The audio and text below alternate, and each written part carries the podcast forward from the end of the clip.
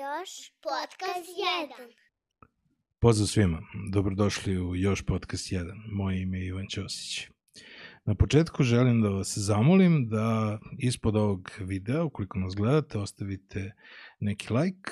Ukoliko želite da redovno gledate ovaj podcast, da, subscribe da se subscribe na ovaj kanal.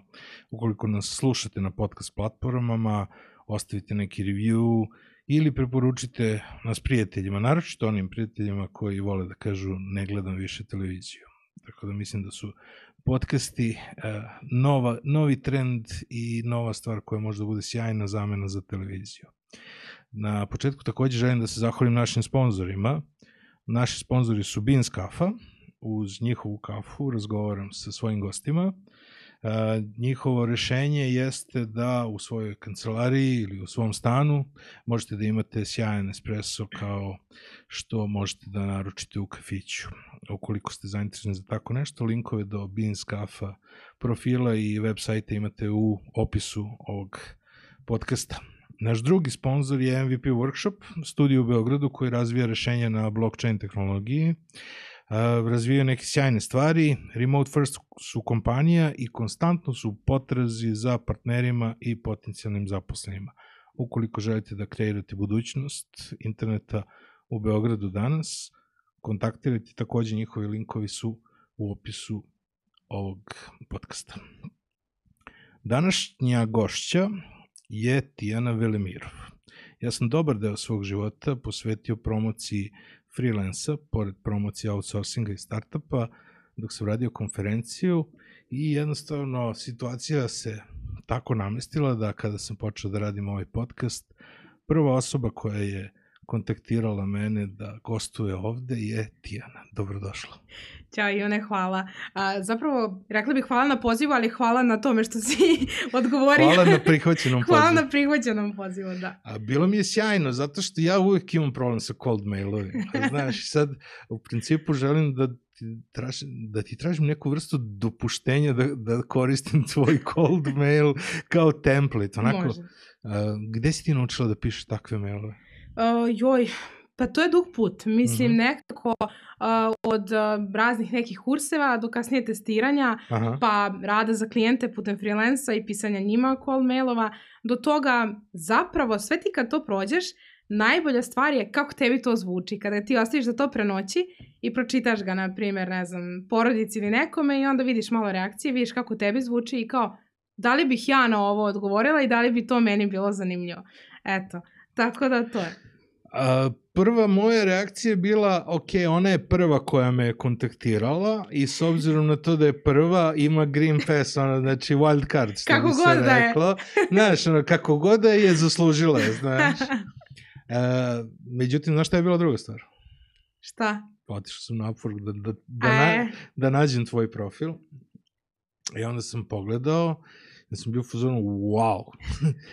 a, wow zbog cene, cene radnog sata, a onda a, sam bio zbunjen, onda sam pomnožio broj tvojih ukupno odrađenih radnih sati sa tim I onda kad tamo Upwork računa otprilike koliko si ukupno zaradio, kao, ovde nešto nije u redu sa ovom matematikom. Nešto ovde laže, ali šta je? A, mislim da ne laže. Mislim da. da je, šta je tačno proizvod, ja sam skapirao šta je. Da. Ove, Znaš šta je zanimljivo? Da se cena tvog sata menjala. Tako je. Zanimljivo je prvo što si mi sad dao super ideju vidiš koja je omaška kao ok, možda taj cold email bio, ali nema nigde linka za Upwork. Uh, mislim, nigde nema Upwork linka tamo i kao možda je to dobra stvar. Pa nema veze, znaš. Uh, ne znam. Nisam, da li ubaciti ili ne? Ja sam neko ko želi da vidi sve. I onda da. I onda ja sam neko ko Znaš, ono, prva stvar koju želim da provjerim da li si legit ili nisi. Upravo. A to mi je promaklo jer sam mislila kao ljude neće zanimati da to provjeravaju. Mislim da je to baš greška, tako da hvala ti. Ma da, opet, znaš, Upwork je, znaš, kao link više u tom mailu, možda bi onda bilo previše linkova ovog onog. Da. Znaš, ali meni je bio prva stvar, pre nego što sam pogledao i opise i tvoja gostovanja koje si mi poslala, Jest. prva stvar koju sam uradio da vidim da li si fake. Da, znaš. da, da. Pa da, a da, što se tiče samih satnica, um, da, menjala se. Mislim, ja sam počela 2015. i tad sam radila za 3 dolara na sat kao virtualni asistent I trebalo mi je, ja mislim, jedna dve, tri godine da ja shvatim da zapravo mogu za više da radim. I onda sam ja to onako gradualno povećavala. Za mnogo više. Za mnogo više. za više od deset puta više. Tako da, da, išlo je onako polako, polako, polako. I onda Koja je jedna... prva satnica? Prva? Da. Prva je 3 dolara na sat bila. To je bila prva. A sada je? A sada je, pa iskreno, uh, pravo ti kažem, ne znam, mislim da je na profilu 50, 60. 60, evo više ne znam. Menjam. Um, znaš šta, imam luksus da menjam, zato što je profil izgrađen. A šta imaš sezonu, ono, proleće, leto? Da, da, da, ovo, ovog leta, kao ovo um, jesen 2021. Da. je 60. Ne, stvarno, postoji luksus da tako kažem da menjam satnicu jer mi je izgrađen profil, imam puno određenih Mhm. poslova, puno ono um, feedback, feedbacks, um, work reviews, kako god. I onda dosta često ljudi ne gledaju i samo te kao prihvate. Međutim, to ne znači da ću ja prihvatiti neki posao koji je recimo sad, da neću prihvatiti posao koji je kao 45 dolara na sat ili tako nešto. Sve zavisi od toga šta se meni sviđa, šta ne, tako da to je neka okvirna satnica.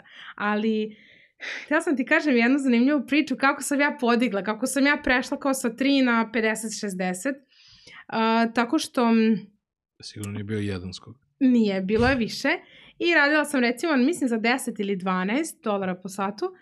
I vidim, nađem na profil neke devojke koja, ja sam je nešto obučala kako da radi projekt, projektni management. I ja vidim ona radi za 25 dolara na sat i vidim, znači nije fake stavila, ima ugovor pod tom satnicom. A ono ja sam je obučavala pre dva meseca. I ja kao stanem i, dobro, da, šta, šta nije okej sa mnom, prvo zapstavljam laptop, ljuta na sebe, ljuta na sve okolo, šta Mhm. se dešava. I skontam, pa nema potrebe, to je jedan klik, ja ću samo da stavim 25 ili 30. I kao, i seća se, bilo me je i sramota i to nije okej da ja stavim i svašta nešto. I dođem od toga, ja to stavim, promenim satnicu, zatvorim laptop, ne radim do sutra. Uđem sutra, dobijem dve ono, uh, job invitations za Dobro. posao, um, za dva posla. Super, odgovara mi posao, ja njima odgovorim, oni meni kao intervju, dobijem posao, ne pitaju me za satnicu, samo daju. Tako da to je bilo preko noći. Pa šta ima da ti pitaju kad su videli na platformi? Ali pazi, moji prethodni poslovi su bili za manje. Znaš, ono kao, oni mogu da vide koji je moj last job uh, hourly rate bio. Aha, aha, da. I on je bio 12 recimo ili 10, ali oni nisu pitali zato što sam ja na intervju njima predstavila workflow, zato što Mhm. smo sve odradili kako treba i to je to. I onda sam ja, znači taj ono uvid za mene kao ok, this is all what it takes, kao je Da, da. moguće da, da sam ovako kao podigla taj rate. I onda sam zapravo shvatila da ja tražim meru kada podižem rate, Mhm. A, za mene je uvek ok kada se ja osjećam ok sa tim, znači kada nešto novo naučim, savladam. Um, dosta često ja imam um, osmišljen sistem rada sa klijentima i taj neki workflow i sve. I kada ja to podignem na viši nivo, ja sam to podizala za po nekih 5 dolara na sat recimo, Mhm. tako da eto smo došli do toga. A i dosta sam radila i van platforme, tako da ono, kada sa nekim radiš duže, onda malo i siđeš sa, sa Upworka kao platforme i onda tu ima dosta više i sati nego na Upworku i onda tu je taj gap kao trenutnog rejta, broja ukupno zarađenih dolara i broja sati. Tako da to je, to je tvo, odgovoreno na tvoje dilema, nadam se. Meni je zabavno zato što ovde pričamo o 2015. 2014. sam ja doveo na konferenciju u Vršcu direktorku Upworka za Evropu, Catherine Hippler, i gostovala na konferenciji, donela najnovije, najnovije istraživanja o freelance sceni o tome kako se Srbija kotira u svemu tome. A, jedan od prvih gostiju na konferenciji koji je pričao o freelansu je bio Pavle, moj prijatelj iz Kikinde i meni je onda još druga stvar super zabavna, to što si ti iz Kikinde. A, poznaš Pavla? Um, ja ne lično, ali moj tata poznaje, da. I on je bio, kada sam ja kretala da radim, što ti kažeš kao godinu dana pre, uh, ja krećem 2015. i kao razmišljam, niko ne radi freelance, nemam kome da se obratim. A, tata mi govori, ima, ima jedan moj prijatelj, on radi, gledam njegov profil na Elensu tadašnjem, tako Da, da, Pavle bio mi je bio ono role model. Tada je u stvari Pavle, e, u stvari, sad ne znam baš tačno Pavle tu pričao, ali bile su dve platforme, Odesk, gde je Pavle dominirao, onda su u nekom trenutku Ilens kupio Odesk, yes. pa su kao hteli da mržuju, prebacuju i na kraju od toga svega posto Upwork. Upwork. Yes. I o, ovaj, to su baš bile te neke godine, 2012. Upravo, 13. Da. ali Pavle je na Odesku bio ona siva eminencija. to mi je da, hit. Ovaj, I onda sam baš, baš pričao o tome ovaj, sa njim i to mi je sjajno da u Kikindi može da živi neko i da jednostavno pravi ono, posao i za sebe i za svoju porodicu i da jednostavno ovaj, igrom slučaja poznajem i da je u jednom trenutku ono, ozbiljno i Kikinda imala problema i sa industrijom i sa svim ostalim, sa da. nezaposlenošću. Da. Uh, I ne samo to, nego i da ima ono, mislim, da daje primjer drugima i to povlači, znaš, to je taj ono ripple effect gde ti ljudi vide mene, raspitaju se, ulaze i oni u te priče, tako da nije samo, znaš... Da, ali zbog, zbog promene medijskog sveta u poslednjih nekoliko godina svi živimo da. u svojim nekim bablovima, u svojim nekim balonima, gde jednostavno ako se nešto dešava, može da se dešava u bukvalno zgradi pored tebe i da ti ne znaš da se dešava. Nažalost. Kao, na primjer, može... ja koja nisam, znaš koliko, sad baš razmišljam, koliko bi meni bilo super da sam ja čula za tebe tad, jer ono, prvo, ok, naučila bih svašta, možda bismo nešto zajedno i radili, mislim, meni bi bila ono čast i zadovoljstvo da radim na nečemu kao što konferencija koju, koju ste imali, razumeš, tako da, ali Meni eto, je bila jedna od sekcija zapravo freelance, jer ja sam želeo inicijalno da pričam o tome da ljudi krenu sami kao freelanceri, a onda posle određenog vremena se okupe u neki tim, naprave Agenciju neki outsourcing nešto, da. i onda u tom outsourcingu shvate posle nekog vremena da je to previše da prodaju svoje vreme i da treba da naprave neki proizvod Tako koji je. će moći da prodaju u veće količini, da onda je. naprave startup. E sad, nisu svi baš išli Toliko ono step by step. I dosta dugačak put, znaš. Jeste. I to je potpuno nekoliko puta promena tržišta i svega toga, ali sam ja recimo tada a, tih nekih godina počeo da shvatam da postoje ozbiljne agencije već. Tada je Upwork, kada je krenuo, ne znam da je to bilo na Elensu, sad nije ni važno, ali Upwork je ozbiljno krenuo sa agencijama, Jeste. on je omogućio da se udružuju, Jeste. tako da u vršcu je praktično bio, bio segment glavni jedne od najvećih za, za dizajn, a u Nišu je bio jedna za kontent i nikad nisam došao u kontakt sa njima, ali da. to je bilo neko vreme, 2014-15, kada sam ih jurio, bilo, bilo neka ekipa koja je radila kontent, razbijala na Upworku. Eto. Uh, Kako je bilo tvoje vreme pre freelansa? A, na šta misliš? Šta, kao Sve. šta sam radila? Aha, pre, a. Okay.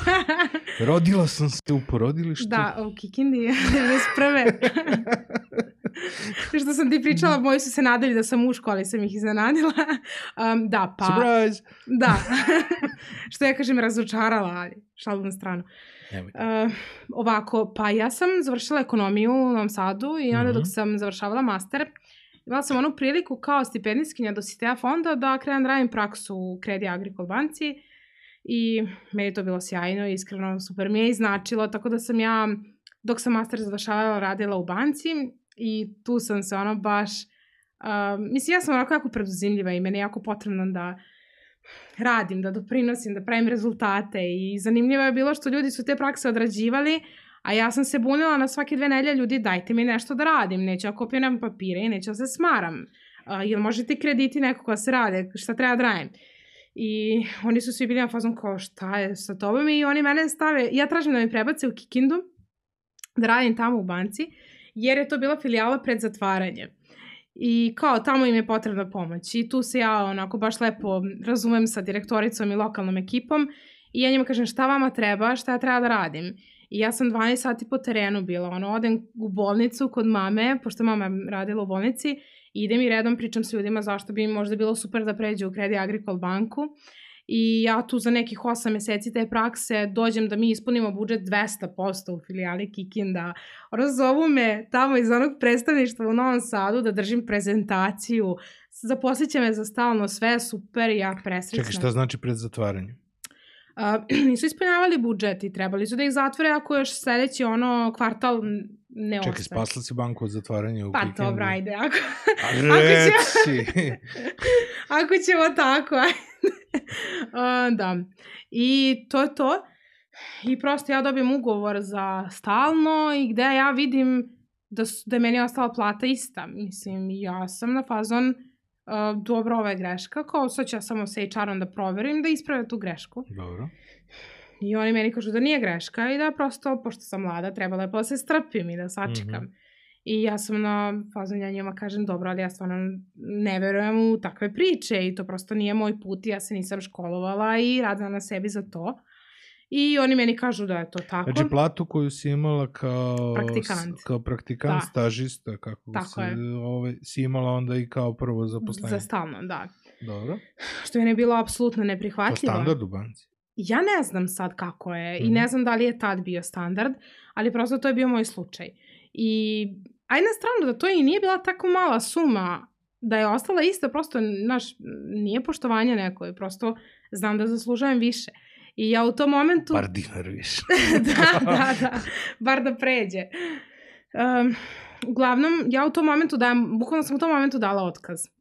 Tako da sam sa im rekla da ono, ne, ne želim više da, da radim. I to je to. I ja sam a, tih dana i saznala za Elens. Mm -hmm. I bukvalno sam bila na fazon, ok, ja ne znam da li ću imati para, ali ja ovo više ne radim. Tako da sam ono sela i googlala ono besomučno danima i ništa, zapravo sam... Šta si googlala? Ko je bio prvi? Freelance, kako freelance, šta freelance, koliko se zaradi, jel prevara, jel prevara isto. o, to, mi je, e, to je meni jedno od omiljenih pitanja sad.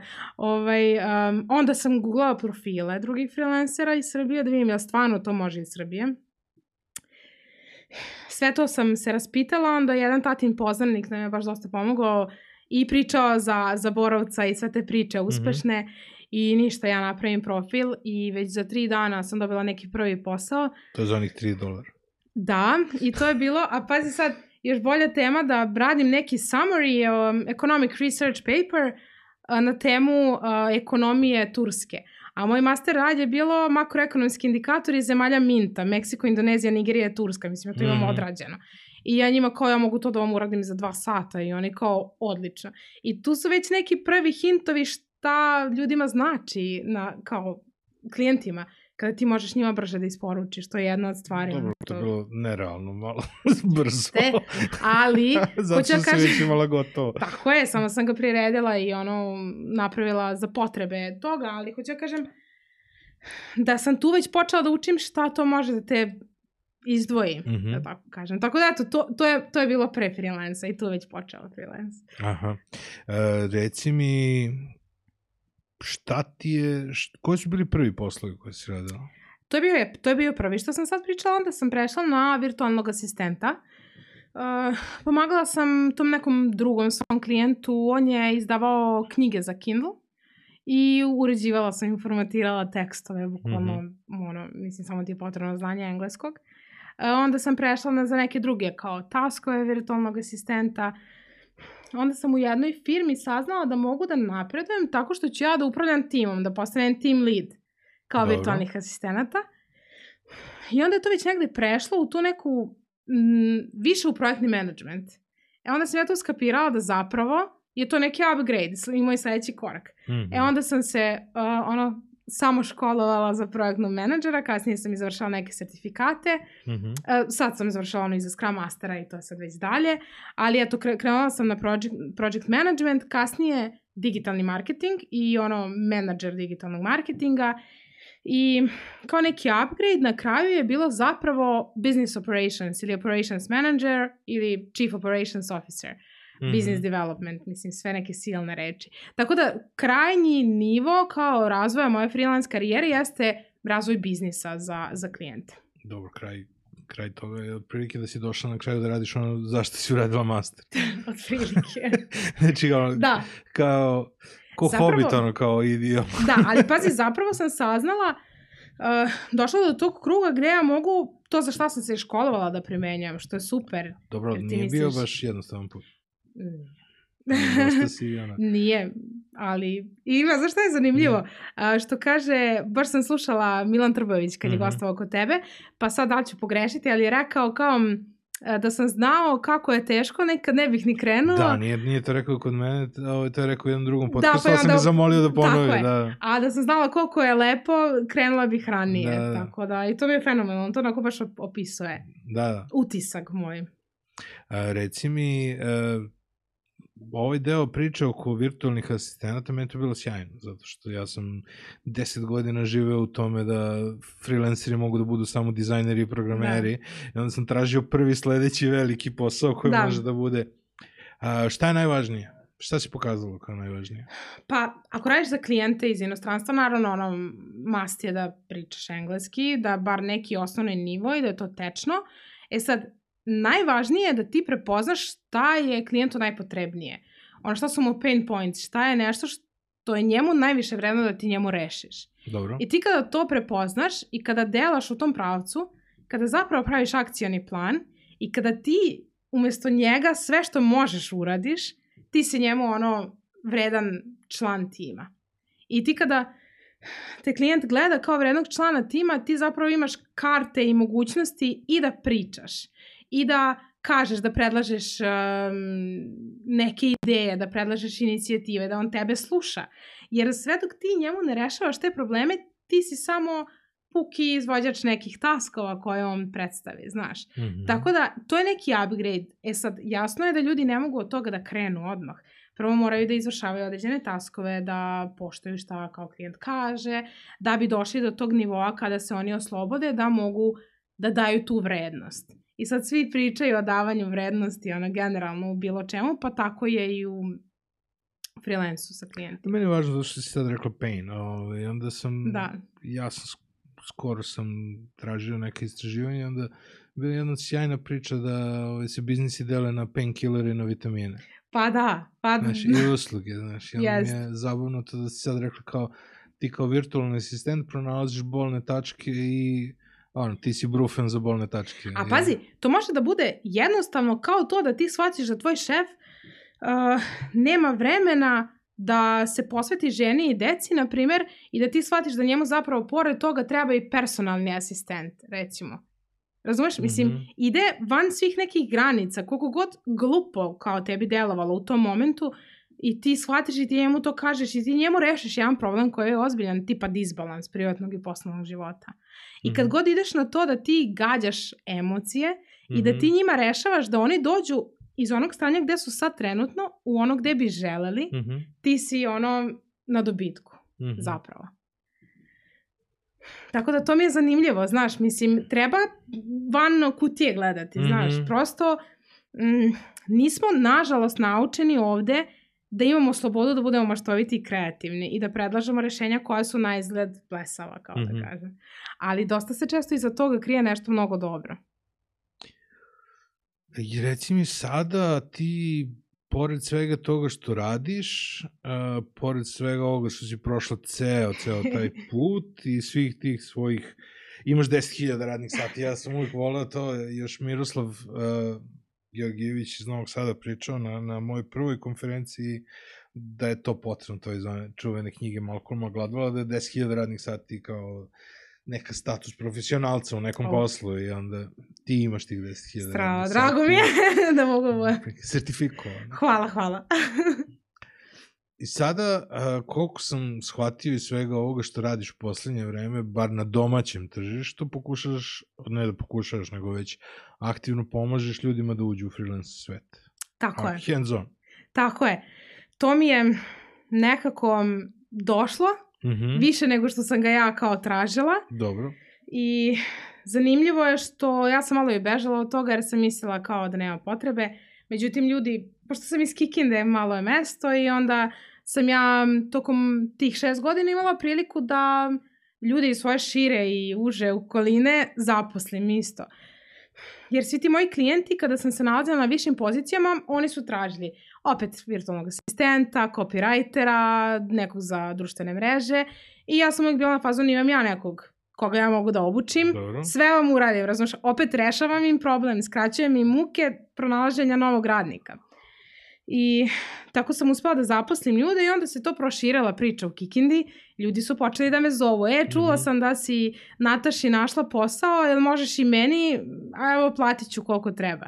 I ja sam ljudima godinu, dve dana govorila, ali ja to ne radim. Mislim, ja samo to kad se sklopi tako kad dođe prilika. I onda sam zapravo shvatila da nema puno ljudi koji pričaju o tome osim tih grupa na Facebooku i tako nekih sličnih stvari, nema neko ko u kontinuitetu radi sa ljudima na tome. I onda sam se tako i odlučila, ono, prošle godine kao, dobro, zašto ja ne bih pričala o tome javno? Mm -hmm. Tako je to i počelo. I eto sad već koliko je sad prošlo, pa ima više, 10, 11 meseci, gde sam testirala razne forme, oblike rada sa ljudima, uh, da bismo došli do sad konačnog tog nekog koji mi deluje najbolje, ali koren svega je da informišem ljude, edukujem, mm -hmm. šta je freelance, da dobiju kao i tu neku teoriju, ali pre svega da ih ubacim u to šta je potrebno da oni krenu zaista to, da, da, da vide da je to moguće. Da A to nije samo... A ako ne mogu da dobiju posao? Tako ili je to preko veze samo za Kikindu ili mogu svi? Ne, mogu svi. ne, da zapravo mogu da vide da ne moraju da idu ili negdje u inostranstvo da bi zarađivali pristojno ili da...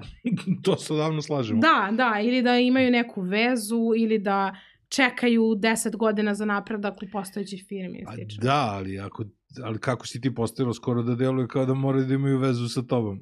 A ne, ne, ne, možda nisam dobro rekla, ne. To je bila moja priča pre, jer sam ja kao bila na fazon ne stiže mi, ne mogu mm. to da radim, jer to ne radim, ali sada se freelanceom bavim samo ono 2-3 sata dnevno radim za jednog klijenta, više mm -hmm. iz zadovoljstva nego iz potrebe, a nekako full sam posvećena razvijanju ove priče, baš zato što ima puno ljudi. Ali omogućavaš ljudima preko tebe da, da pronađu neki posao? Da, da, ako, ali nekada, um, kako kažem, dinamika je različita. Nekad mm -hmm. imam više opcija, Mislim, dobro što imam tu široku lepezu, ono, kontakata, mm -hmm. klijenata iz inostranstva. E sad, ja ljudima kažem, ne mogu da vam, ono, kažem, je, bit će za tri dana jer Naravno. se ne zna, ali da, mislim, ono, prosto imam i baze. Mislim, može samo bi drugačije izgledalo, onako, prsten, šarenija. Tako je, da, droba, da. Tako da, ovaj, to je, da, mislim, radim na tome, samo što prosto um, u kojoj sam sad fazi postavljam sve na mnogo ozbiljniji nivo. Dobro. I onda sam malo stopirala taj deo gde ljudima nalazim direktno poslovne ponude, jer želim da ljudi prvo um, budu više edukovani i više mhm. spremni. Jer šta mi se desilo? Nalazila sam im ponuda, ljudi nisu dorasli ponudi i, i mhm. poslovnom mm -hmm. zadatku. Tako da sam videla taj gap u, u edukaciji i onda sam, ok, rekla, dobro, sad ću da radim malo više na tome da, da se edukujemo, da oni unaprede mm -hmm. iz veštine i znanja i ostalo i onda idemo na taj deo, ok, ovo je posebna ponuda gde imate kao bazu poslova, recimo. Mm -hmm. I praktično ti radiš sa njima dok, do kog trenutka? Pa sada je osmišljeno tako da, mislim to zovemo kao online program, gde radimo šest nedelja plus neke dve nedelje gde oni prelaze sami materijale uh mhm. -huh. i zapravo dobiju prvo dve nedelje gde prelaze materijale jer nema smisla da ja radim sa nekim uh, u grupi, coaching uh mhm. -huh. ili kako god to da nazovemo, mentorski rad, ako oni ne znaju osnovne stvari. Tako da zato te dve nedelje.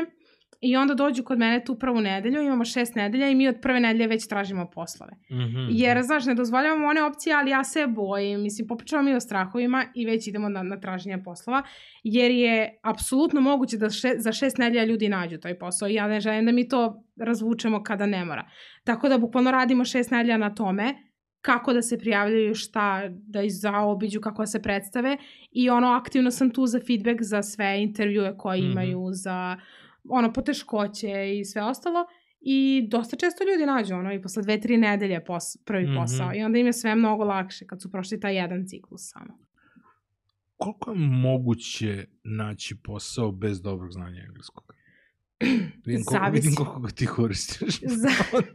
e, to je onako baš problem. Moram to da se potrudim da... da... Dođe vremenom i go, sa godinom. Da koristim srpske reči, ali... E, nekad je teško.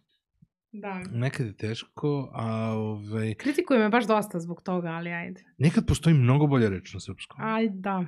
Znači, ali malo, ja to kažem, profesionalna deformacija, jer stvarno ja razmišljam na engleskom više jer sam radila i po 12 sati i non stop pričam na engleskom i onda mi je ja to... to radim 20 godina, pa opet se trudim da, da pronađem dobru reč. Ovaj, Jest.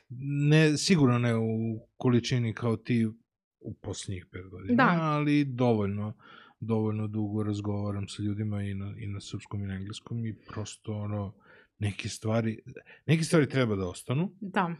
jer ne postoji za... Naprimjer, za freelance, kako bismo to? A, slobodnjak, Slobodnjak, ali da. ono, ovaj, samo, samo, Samostalni radnik. Samostalni radnik. Da. Te stvari, je- te stvari su malo, malo Da. problematične. Ono. Ovaj, Da, za engleski pa zavisi od oblasti, znaš, uh, na primjer programiranje. Tebi skoro nije potreban neki ultra nivo engleskog. Uh, potrebno je sve u svrhu kodiranja ukoliko Mhm. da ono da poznaješ, da možeš kod da pišeš. Ali copywriting moraš da poznaješ ultra engleski, ne možeš da budeš copywriter ili content dobro, writer dobro, bez. okej. E sad, to su ti krajnosti. Uh, opet, social media manager koji će da piše objave za društvene mreže, opet mora da zna, ali sve više se radi na toj diverzifikaciji i podeli rada. Gdje ti imaš social media menadžera koji stvara ono strateški kontent i onda imaš copywritera Mhm. koji to prevodi u, samo uradi proofreading ili pretvori u Mhm. neki copy dobar.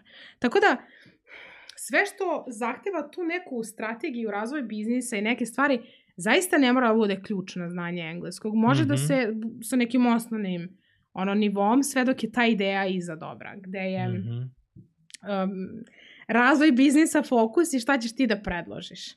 Mhm. Tako da, zavisi od, kažem, od oblasti, ali može, mislim, bez tog nekog ultra, ono, profesionalnog engleskog. okej. Ali jako bitno je da se ljudi ne koče sami sebe, znaš, jer imaš ljudi koji su na fazon ne znam dovoljno i nije dobro i neću izaći iz svoje zone komfora, a imaš ljudi koji će preduzeti kao, razumeš, krenut će da pričaju, da se sporazumevaju. Dizajneri isto, dosta često ne moraju da imaju savršen engleski. Mhm. Ne znam je se slažeš sa tim, ali iz mog iskustva dosta često imaš, ne znam, Ukrajince ili Ruse koji naklapaju engleski, ono, a rade strava posao, na primjer.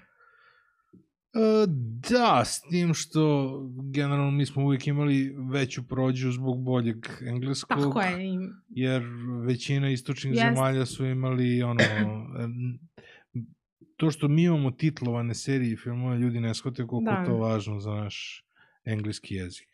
Ok, ovo što si mi sada rekla za, za engleski, jel možeš tako da mi razložiš za koje poslove je važna digitalna pismenost, opšti neki softveri koji se koriste, a za koje i nije toliko važno? Ja ne znam da li sam ja sad kao najbolja osoba ti odgovori na ovo pitanje, ali ja bih rekla da je za sve važno. Mhm. Znaš, mislim, ne, čak iskreno, evo sad mi ne pada na pamet oblast gde nije potrebna digitalna pismenost. Znači, moraš da poznaješ da koristiš, da poznaješ rad na, na osnovnim programima. Mhm. Recimo, ne znam, ono Google Documents, Sheets, Google Drive, mislim, to su neke osnove bez kojih jako teško može da se radi. To Čak sam vidio, kao- to, tokom prošle godine si baš radila na tome sa ljudima u, u svojim Da. nekim workshopovima. Pa da, mislim, ne, to mora prosto da se... Kako je sad uopšte stanje? Koliko ljudi razumeju rad u tim Pa razumeju sve se- više, znaš, sve više razumeju i sve više su To možda, možda edukovani. nemam percepciju kako je, Da. generalno kako su sad mladi. Pa razvijaju se, mislim imaju oni i na fakultetima razne stvari, znaš, koje njih postiču da idu u tom pravcu digitalne Ja sam imao pismenosti. disketu, ali dobro. Da. I ja sam oduševljena kako to sad i na faksu malo postiču, što je super stvar. Mhm. Ali ajde, nije samo faks, nego i neke druge organizacije i studentske i nešto drugo, ovako nevladine organizacije. Sve ih to postiče u tom nekom pravcu da se razvijaju. I mislim da je, sve ja sad kad gledam, moj sestrić je krenuo u drugi razred, oni Mhm. imaju digitalnu učionicu, sve full, on sve zna sam da koristi na, na laptopu i um, ono, zna osnovne alate, što je meni super. Tako da, stvarno, mislim da je mnogo teško bez digitalne pismenosti, ali baš za bilo koji posao. Ne znam, ne znam da se slažeš, ali možda ti imaš drugo viđenje, ali prosto... Ne, ne mogu da, da li se slažem ili ne slažem, želim da čujem tvoje, Da. tvoj ugao, ovaj, mislim da ima dosta generacijskih slojeva, znaš, i onda sad Jest. taj deo je, je jedna stvar, druga stvar je što su se uh, postoji jedna druga čudna situacija koja se dešava recimo u društvu da su se deca susrela sa računarima. Jeste.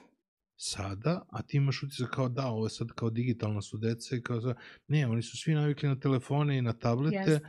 a zapravo tek sada kada moraju da rade na, na računaru, tek su se sad susreli yes. sa nečim da ti moraš da sediš ispred Tako uređaja, znaš. Uh, Ima jedna stvar što sam htjela da ti kažem, na, ja sam to prepoznala kao neki potencijalni problem u radu sa ljudima, mm -hmm. ta digitalna pismenost i baš sam zato i napravila neki kao mini kurs za mm -hmm. online pismenost, tako smo ga nazvali. Tako da to je nešto što aktivno radimo na tome da ga unapredimo, jer to je stvar koja ne mora uopšte da bude prepreka velika ljudima, jer kao naučiti jedan alat zaista može da traje dva sata. A čak i za starije ljude, mislim, evo šta da pričam kad, sam, kad je moj tata je radio freelance jedno vreme, mislim, obučila mm -hmm. sam ga mhm. za sve što mu je potrebno. Čak i sa nekim osnovnim engleskim. Tako da, to je, to je ono činjenično da je potrebno da ljudi rade na tome, ali se lako uh, premosti kada im daš dovoljno materijala. I to je moje iskustvo. Dosta brzo savladaju i taj kurs i kao, e, super, znam da koristim. I onda vidim kako mm -hmm. krenu u komunikaciji sa mnom, krenu šalju Loom vide, Google dokument, e, podelila sam ti access za ovo i za ono i kao, baš mi je super, jer zaista prisvajaju mm -hmm. to. Koliko je važno za freelancera da, da nauči o sebi?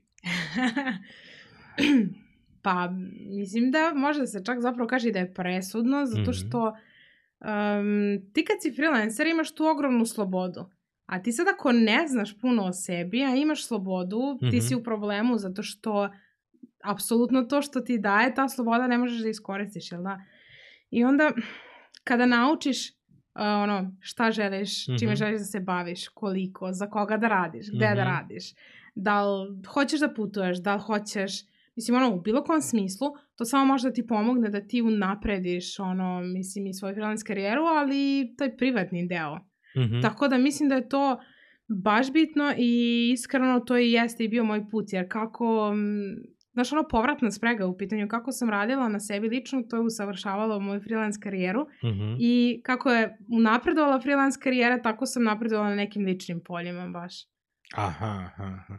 Znaš zašto te pitam? Pitam te zato što imam utisak da najbolje prolaze ljudi koji uđu u ono stanje flowa znaš, kad nešto rade, kada nešto baš onako vole da rade. Imam utisak da, da je potrebno neko vreme dok dođeš do tog nivoa da i profesionalno budeš dovoljno dobar i sa druge strane da, da, ono, da dođeš do tog nivoa da te nešto stvarno vozi. Ono. Da, ja mislim da jeste, ali mislim da to nisu loše vesti. Mislim da je to zapravo sjajna vest što je potrebno neko vreme, uh mhm. -huh. jer ti ne možeš da očekuješ da ćeš u startu da budeš kao najbolja verzija koja ti najviše uh mhm. -huh. odgovara.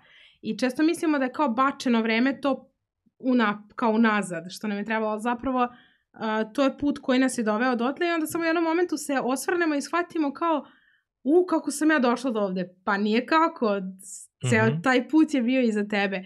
I nekad je potrebno i da svašta nešto kao odemo u pogrešnom pravcu, mm -hmm. da bismo i shvatili šta ne želimo. Mm -hmm. Tako da ja mislim da zapravo to ništa nije bačeno i sve deo nekog razvoja i vode nas ka nečemu daljem što ćemo kao da nam se više svidi. Tako da ja mislim da je to super. A koliko, koliko poslova radiš sam kao freelancer, a koliko radiš kao deo nekih ekipa, postaneš deo neke ekipe, naročito kada su u pitanju virtualni asistenti, kada su u pitanju neki project management i ostalo. Misliš deo ekipe unutar uh, tima klijenta ili ekipe kao neke agencije sa kojim ti zajedno tražiš. Pa reci mi ti jedno i drugo. Uh, može da bude svašta. Uh mhm. -huh. Znači ti možeš da radiš samostalno sam, van agencije, da sam uh mhm. -huh. tražiš posao i da bukvalno budeš samostalni virtualni asistent, uh mhm. -huh. asistent za klijenta. Onda možeš da budeš da radiš samostalno, ali da radiš u okviru tima za klijenta. I tu isto imaš opcije kako ti da napreduješ. Možeš i ti u jednom momentu da postaneš team lead, kao što je bio moj put. Mm, pa onda potencijalno postaneš možda i projektni menadžer. Kako to funkcioniš kad postaneš team lead? Koliko imaš ljudi ispod sebe? Okvirno? Pa možeš da imaš ono od um, dva, tri, mm -hmm. do ja sam u jednom momentu imala sto ljudi. Tako da mm -hmm. baš zavisi od veličine firme i uh, toga šta, šta klijent radi, ali otvaraju ti se brojne mogućnosti zato što ti tada zapravo najviše i rasteš. Kada ti hendlaš druge ljude, znaš, mm -hmm. i mhm. onda to te baš e, izbacuje ono iz one komfora i zahteva skroz drugi set veština od tebe, mm -hmm. gde te to zapravo na kraju i unapredi. Jer ti kada radiš samostalno, ti nemaš neke potrebe velike za pregovaranjem, komunikacijom, tim nekim mekim veštinama, mm -hmm. dok kad ti upravljaš timom i radiš sa timom, to ti je najbitnije. Mm -hmm. Tako da da, to su sve opcije, a isto ima opcija da radiš, da tražiš freelance poslove u okviru neke agencije kao deo nekog tima. Jel? Tako da sve to je moguće. Šta je najvažnije od to, tih mekih veština ili ti soft skills? Pa komunikacija. Mislim, komunikacija i sposobnost uh,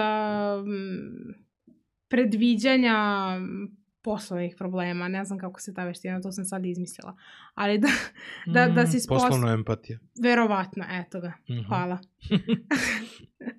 Tako je, apsolutno. Znači, mm -hmm. komunikacija i poslovna empatija super si ovaj, definisao. Znači, sve ostalo ti je dalje kako Mislim, ćeš da se snađeš. Lupio sam. Od, jako mi se sviđa, lepo si lupio. Ove, e, pa sada se čak smatra postoji metal skill, meta skills, kao da. E, da, da je negde kreativnost, da je samospoznaja i to je resilience ili ti otpornost, da su to Meni kao tri... Meni se ne sviđa resilience, iskreno, nisam sigurna. Pa, da... važno je. Jeste, ali... To ti ono Imamo da ne... i malo negativnu konotaciju. Nije. Nije, misliš? Pa to ti je da ne odustaneš. Pa znam, ali nekako možda bih... Mislim, ovo je sad nekako neobrađeno moje razmišljanje, ali nekad mi to ima negativnu konotaciju, jer... Zašto? Pa pazi sad kao, otpornost na nešto, sama reč mi je... Ne, ne, ne, ne, tvoja lična otpornost. Tvoja lična otpornost. Tvoja lična otpornost da, da pošalješ pet ponuda i da ne odustaneš da Dobro. da pošalješ šestu. Da, a vidiš, ja bih to više Mislim, sad vratno malo filozofiram, ali zanimljivo mi je zato što dosta često se ta reč koristi, a nisam sigurna da sam oduševljena na njome. Više sam za upornost, nego, za, znaš, samo iz druge definicije, iz, dru, iz drugog ugla gledanja, recimo. Uh, otpornost je... Upornost je Upornost je kada guraš napred, a otpornost je kada niko ne može da te spreči u tome što guraš napred. Da, jeste. Znaš, imaš Ali da, svakako je to sve... Onih sa, sa strane koji kaže to neće uspjeti. Jeste, jeste. Ali svakako je sve to baš, baš potrebno. Mislim... Znaš, otpornost ti daje ono, mogućnost da kad si napravio grešku da ustaneš ponovno. To jest. Znaš, kao nije, nije, nije fora u tome kao, ovaj, kao koliko si puta pao, nego da li si svaki put ustao. Upravo, mislim, znaš. ali to je apsolutno... Ima na tu temu jedna isto anegdota gde sam ja, znaš, ljudi mi pričaju o strahovima konstantno i onda sam ja napadana ljudi Ja sam imala intervju za posao mm -hmm. i nisam se snašla i nisam znala kako da se snađem i ja sam zatvorila laptop. Mm -hmm. U tom momentu rekla da mi je nestao internet, sabrala se, posle dva minuta uključila laptop i nastavila. Mislila sam čak i posao i dobila, ne sjećam mm -hmm. se. Ali, mislim, što je najgore što može da se desi, kao baš failuješ, mislim, gde ćeš zatvoriti laptop. Ali, znaš, to se prosto desilo i onda te posle ti prođeš ceo niz uh, i emocija i svega posle toga i budete sramota i kako i zašto ali onda si na fazon, pa dobro, ispravila sam nekako, razumeš? Mm -hmm. Rešila sam tu situaciju. Tako da... Resilience može da bude i otpornost na okruženje, koliko si ti dugo u stanju da guraš nešto da ti jednostavno ne, koliko možeš da eksperimentišeš, koja je sloboda za eksperimentisanje. Sada se pojavi neka nova oblast koja je tebi super zabavna. Da. Znaš, koliko dugo možeš ti da eksperimentišeš, da se udaljiš od postojećeg posla, bez da ti napravi uticaj na, na, tvoj, na tvoj redovan život. Da, da, da, ima mi to smisla, zapravo, da. To je, znaš, nije, eto, eto jedna od reči, znači, to je nešto yes, između yes, otpornosti yes. i upornosti. Jeste. Znaš, to je koliko, koliko u stvari drugi imaju uticaje na tebe negativan. Koliko si ti otporan na uticaje nekog, yes. nekog okruženja. A sa druge strane, a, neka vrsta rešavanja problema u segmentu kreativnosti, nekog problem solvinga, postaje ogroman metaskill budućnosti. To jeste.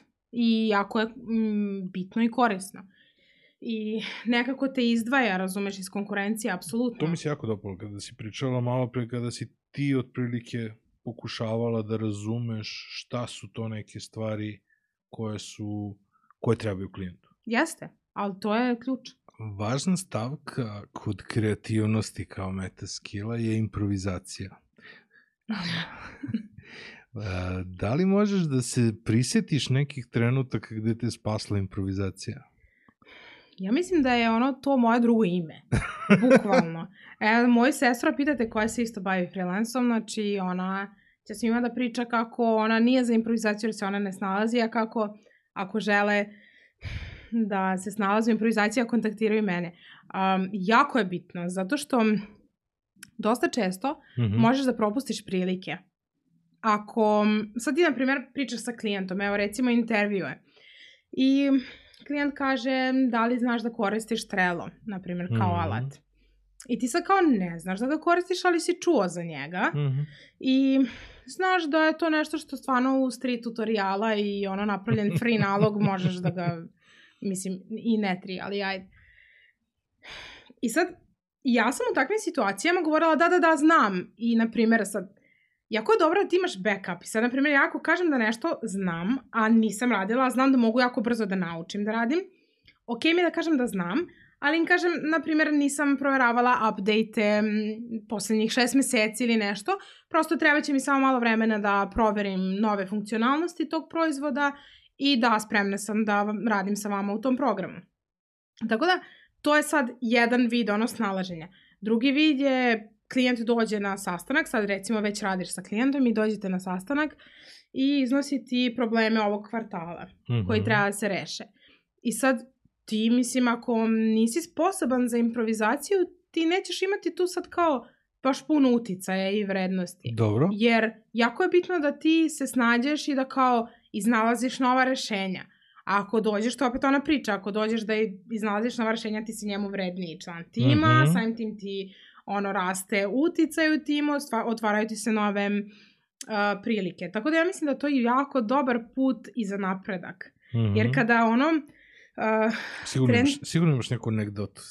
Joj, pa jo. A treba viš, trebala sam se spremim za anegdote, ono. Um, imam ono svakakve priče, mislim, od, ne znam, pripremanja za sastanke, pa onda imaš improvizacije kada ti tehnika zakaže i ne radi. Mislim, snalaženje u tom... Kao nama večeras. Jeste, tako je. Ili kada, ne znam, nešto, na primjer, da, sa projektima, znači kada sve iskrsne i projekat ne može da se završi, ti onda nalaziš razne rešenja do toga da uh, o, nekad outsourcuješ, nekad smisliš nešto drugo, nekad overdeliveruješ klijentu nešto drugom, pa kasnije naknada dostaviš ono što mhm. su tražili. Mislim, baš moraš da se snalaziš. Nije dobro da si na fazon nismo uradili, nemamo ništa, to je to. Mm -hmm. Znači, to ne pije vodu nikome. Dobro. Dakle, nisi stigao da uradiš ono što je trebalo, važi. Ali evo, stigli smo ovo da uradimo. Usput smo saznali još jednu stvar, recimo, koja je uticala na to uh, da će naš krajnji output projekta, iako će kasniti nelju dana, biti još bolji. Mm -hmm. Razumeš, koliko ti okreneš I sad kao, nećeš ti stvarno lagati jer će to zaista biti bolje, ali koliko to klijentu zvuči drugačije i bolje, kada ga tako predstaviš, nego da samo da će kažeš, pa ne, ne, ne, ja to nismo to uradili. Tako da, mislim da je to zanimljivo i mislim da tu možemo da se igramo. Opet, treba budemo oprezni, zato što tu može da bude dosta klizav teren, mm -hmm. ali, um, mislim, kao i sve drugo, znaš, može improvizacija da se malo vežba. Tako da, to je... Kako? Pa tako što ti je okej okay da si u situacijama koje su ti nepoznate i da kao prvo budeš svestan rizika i da zapravo šta god da se desi neće biti smak sveta, mislim...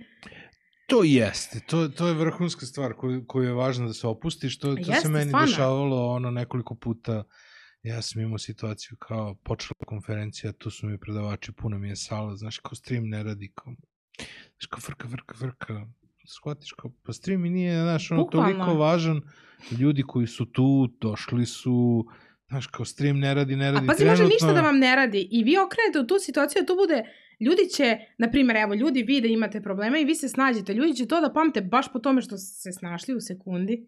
Pa I to će još bolji efekat da ostavi, jer nije bilo fake, jer ste se snašli, jer je bilo kao idemo odmah Pa da, na, nama je pao tu neki telefon, razumeš, u prošloj Pa da. epizodi, kao, ovaj, Marko pita kao da sečemo ovo, rekao, ma ne bre, ostavi, znaš, kao šta, Sve okej. dešava se, padne telefon. Imam jednu anegdotu, nije iz freelansa, duše, kao klinka sam a, bila na onim besedama za Đinđića Mhm. i ja pričam, u sred moje besede prolazi kamerman i uh, kamerom ili čime zakači balone i svi, ono, ko bomba da je pala. U sred moje besede. I ja kao stala i kao, jel se ovo dešava sa ono u sekundi? I stala i kao, namerno sam napravila da je ta pauza baš trebala tu da bude. I posle bi Mhm. se ja nisam pobedila na besedi, nije bitno. Meni je svaki član žirija prišao posle i rekao koliko su oduševljeni mojom reakcijom, koliko se uopšte ne bi primetilo koliko sam napravila da je prirodna ta pauza bila Da, i, da, da, i da. moj govor. Tako da, mislim, znaš, jako je moćno. Ja sam jednom za malo pao, na, pao u nesvijest na sceni, posle me jedna moja obožavateljka pitala kao, je li to bilo namerno? Pošto svi pričaju To- o emocijama, kao da, To- svi, da svi se brinemo da li ti je Upravo. dobro. Mislim, Um, reci mi, rekla si da to može da se nauči, ali ajde, uh, jako mnogo se priča o mentorstvu u, poslednje vreme i sad imamo, znači imamo hard skills, imamo, ok, za hard skills uvijek možeš da nađeš mentore, tako je. međutim imaš soft skills, imaš ove meta skills sad aktuelne, a, da li je podjednako lako ili prosto, kako, kako gledaš na mentorstvo? Pa ja gledam, a, ne, sad kad je pitanje da li je podjednako lako, ja mislim da to ne možemo da, da, da odredimo, zato što sve zavisi, ovako, zavisi u, u tom momentu u životu kada krenemo na neko mentorstvo, da li smo mi više radili na hard skills ili soft skills. Ako smo više radili na hard skills, nama će biti lakše da usvojamo Mhm. druge hard skills. E sad, ako su nam soft skills strane, nama će to biti teško. Međutim, oba su potrebna i zato baš mislim da je mentorstvo, mentorstvo super stvar, jer pogotovo kada to neko usmeri u oba pravca, ja sad možem pričam o tom trećem, meta skills, šta god, um, jako je bitno da se ništa ne izostavlja. Jer ti kada bez nekih granica guraš u pravcu razvijenja tih tehničkih ili uh, hard skills, uh, ti nećeš znati da se snađeš u timu. Kad tad ćeš naići na rad sa ljudima drugim. Prosto nećeš moći da budeš um, čak ni toliko vredan kao član te zajednice ili kompanije, mm -hmm. čega god. Um, I jako je bitno da si sposoban da usvajaš to nešto što ti nije bilo kao toliko uh, razvijeno, da kažem, tokom godina. Mhm. Uh, ako bih, mislim, sad ne znam da uopšte možemo da pričamo šta je bitnije. Dosta Ne če- možemo. Ne možemo, Ne da. možemo. Ljudi su na fazon, meni Platit ljudi... ćete za hard skills, ali dugoročno ćeš zaraditi više od svih ovih Upravo. ostalih. Zato što, pazi, sad meni dođu ljudi i kažu, ja ne znam dovoljno. To nije razlog. Znači, ne, bukvalno, ja se, ja se igram sa ljudima i nalazim im, oni meni dođu i kažu, ne može freelance arhitektura. Ok, 10 profila ljudi koje znam da to Mhm. rade. Ne može jer ne znam da radim u tom programu. Važi. Evo ti nešto drugo. Bukvalno se igram sa ljudima i govorim im, to što ti sve meni kažeš šta ti ne znaš od hard skills, ti ćeš sve to da savladaš za x nedelja ili meseci. Ali soft skills je nešto što ti ono, to, to celoživotno učenje. Naravno, bukvalno. razvija se celog života. I džabe ti bez toga. Čak se neki, neki od tih skillova i u samom mentorstvu, u komunikaciji sa mentorom, u komunikaciji sa drugim ljudima razvijaju. Upravo. I ja sad u radu sa ljudima najviše dajem fokus da je naš zajednički rad konkretno uh, na, na soft skillsu, najviše. Mhm. Mislim, ja njima dam, št, uh, razumeš, oni ako gledaju kako će moje vreme najbolje da iskoriste, gde ja njima najviše vrednosti mogu da dam, Mhm.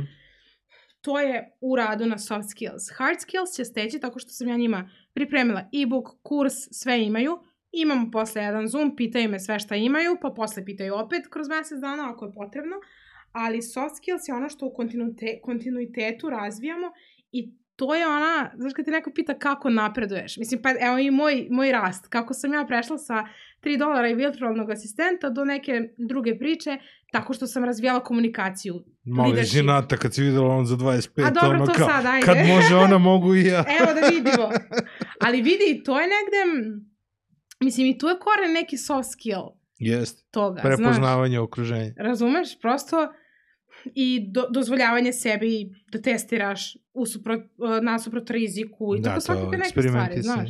Tako da, uh, sklona sam da kažem da je bitnije soft skills, ne možeš bez hard skills, ali tebe čini soft skills. A ljudima nije potrebno osoba koja zna da kodira ili dizajnira ili uradi x projekata. Mm -hmm. Njima si potrebna ili potreban ti sa svim tvojim karakteristikama koje ćeš ti da uneseš u taj tim i specifičnim načinom rešavanja problema, a to je, mislim, soft skills više nego hard skills. Da, Pristupom iskustvo. Tome iskustvo, to, moraš puno puta da moraš, zapucaš glavom u zid za, ono, mislim, idealno je kad neko drugi to već uradi umesto tebe, ali, ali kao, nema to. nije to isto iskustvo, kao kad se sam mislim, polupaš, znaš, meni tata naučiš. stalno govori, nećeš da učiš iz mog iskustva, ja mu kažem, tata, jako je teško iz nečeg iskustva sve učiti, znaš. Moguće je do neke mere i nekad. Moguće je, znaš, moguće je, ali nije uvek to isto. Znaš. A i nije isto, znaš, zato što upravo to što kažeš, nekad se lekcija bolje nauči kada je ti prođeš sam, znaš. Da, zavisi samo koje lekcije biraš, znaš. Tako Postoje je. neke stvari, ono, kao neke ono, teške stvari, kao, ja volim kada mi neki prijatelji kažu, ej, pazi, tamo možda se polupaš, možda šta, to, to je druga stvar i onda prosto od poverenja se trudiš da da ne praviš te greške. Znaš, uvijek jest. ima to kao svi govore, kao pametan čovjek se uči na tuđim greškama, ali... Ne, ne ide tako, ne možemo mi naše uverenje, na primjer, tebi sad neko dođe i kaže, pazi, nemoj ovo da uradiš, uradi onako. I, na primjer, ti čuješ i poštoješ tu osobu, ali ti misliš drugačije i ti uradiš na svoj način. Ok, možda ćeš ti vremenom, uradiš, napraviš gestku, shvatiti da je on bio u pravu, ali ne možeš ti da ideš protiv svojih uverenja samo zašto ti je neko rekao mm, da treba. Sve, da, da. Razumeš? Baš ne za sve. Tako da, ono, mislim, nekad je teži put, ali, bože moj, to je skroz ok. I reci mi sad, glavna stvar kod freelancera je da se oni predstave. Jeste. Gde greše freelanceri kad pričaju o sebi, gde si ti grešila, gde greše sada i u čemu mi pomažeš? Um, mislim da je broj jedan greška podcenjivanje. To je ono ultra. Znači ljudi se podcenjuju. Mm -hmm. nemaju samopouzdanja, misle da, da treba manje i da im treba, da im treba mnogo više vremena da bi napredovali mm -hmm. ili se predstavili ili uradili nešto. To su, mislim, ujedno bila i moje, i moje greške, to je moji počeci. Mm -hmm. Onda ljudi dosta često misle da nikog ne zanima šta oni misle i kako bi rešili problem, a upravo je obrnuto. Dobro. E, mislim da to negde kupimo malo iz tog našeg prethodnog sistema rada, gde čuti, radi, ne pitaj. Znači, to nikad nije savjet u freelansu. Znači, ne čuti, radi i ne pitaj. Upravo pitaj. I u freelansu je ključ da pitaš. Tebi će klijent sve reći. Ti samo treba da, mislim, ne zna klijent šta su prava pitanja, ti znaš šta su prava pitanja, da bi njegov biznis došao od tačke A do tačke B. Aha, I ti ga pitaš, što više, da bi imao što više inputa. Da bi ima inputa, da bi mogao da ono, radiš sa njihovim input, sa inputima uh mhm. -huh. i od toga transformišeš njegov biznis. Ne, ne pitaj za instrukcije, pitaj šta, razumeš? Ono, ne pitaš klijenta how, ne pitaš ga kako to da uradimo, pitaš ga šta želiš da postigneš. Mm. Pitaš ga koji je tvoj cilj. I onda ti od toga mm -hmm. praviš put, akcioni plan da se dođe do tačke. I to je to. znam, zvuči jednostavno i kao možda jeste jednostavno, ali nije, nije lako. On tebe plaća da ga dodvedeš iz tačke A u tačku B. I onda dođemo do te priče da zapravo freelancer često kada želi da bude uspešan i uspešni freelanceri su malo više i konsultanti, znaš. Mislim, ti budeš i neki... Jesu, ali opet, znaš, se svede na to da ti plate neki hard skill, razumeš, Jeste. a da consulting dobiju gratis. E, ali vidiš, na primjer, ako tako napraviš, ako napraviš drugačije, onda će da bude drugačije, verovatno, znaš. Da, dosta je teško preći iz, teško iz je. usluge u consulting. Teško je, ali mislim da je to pravi put, ali zapravo ja to ljudima iskreno i ne pričam, zato što ne može neko ko počinje sa freelanceom da odmah uskoči u taj mod, nije zdravo. To je kao kada neko uh, nema dan radnog iskustva, hoće da bude direktor Philip Morrisa, lupam, razumeš? Ne ide. Mm -hmm. I, I ja ljudima ni ne savjetujem, ja ljudima i govorim postepeno. Dobro. Ok, skraćujem ja njima put i, gov i probam da ne idu baš mojim ono sporim putem, ali ne može da se toliko preskače. Ne možeš ti da dođeš i kažeš ja sam tebi konsultant i pružam ti usluge, a da nemaš portfolio nekih rezultata od ranije, znaš. Dobro, ali percepcija generalno svih novih generacija da imaju mnogo veću hrabrost kao glavom I, kroz to zid jeste. i da imaju ono kao precenjuju sami Jeste, sebe. to ima. Uh, moje iskustvo do sada je da sam manje nailazila na takve priče i zato je vjerojatno moje iskustvo da se podcenjuju ljudi, ali da, ima i toga. Ti i si iz Kikinde. Možda je zato. Skekende. Možda i zato. možda, možda. Ali da, ima toga, jeste. Pogotovo po društvenim mrežama i imaš, imaš ljudi koji se ono previše boostaju. Ja uvijek ljudima kažem, aj boostuj se 20% više, nemoj preterati. Ali nemoj ni da se predstaviš kao 50% sebe, razumeš? Mhm, mhm. E sad, treba vremena da ti nađeš meru. Ok, prebustuj se, failuj jedan intervju, ali ajde posle svakog intervjua sedi i zapiši šta si radio. Snimaj Mhm. taj intervju, razumeš? Da vidiš, evo, evoluira, jer, razumeš? Aha, aha, Uradi aha. evaluaciju toga i ti kao vidiš šta si pogrešio i onda se malo bolje predstavi za sledeći intervju. Tako da, Dobro. E, uradila si nešto dobro ili uradili smo nešto dobro, kako da navedemo ljude da pričaju o nama? mm, Kako si došla do reviewa? Kako učiš ljude da dolaze do reviewa? Pa zato što um, ti sad uradiš nešto dobro i ljudi zapravo kada hoće, dosta često ima ona, ona nit kada ti uradiš dobar posao sa klijentom i oni hoće da nastave da rade s tobom. Dobro. Dosta često je to sami dovoljno dok ideš da neko tebi ostavi review ili feedback, znaš.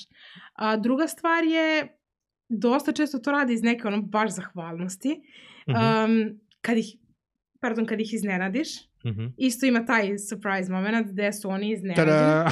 Da.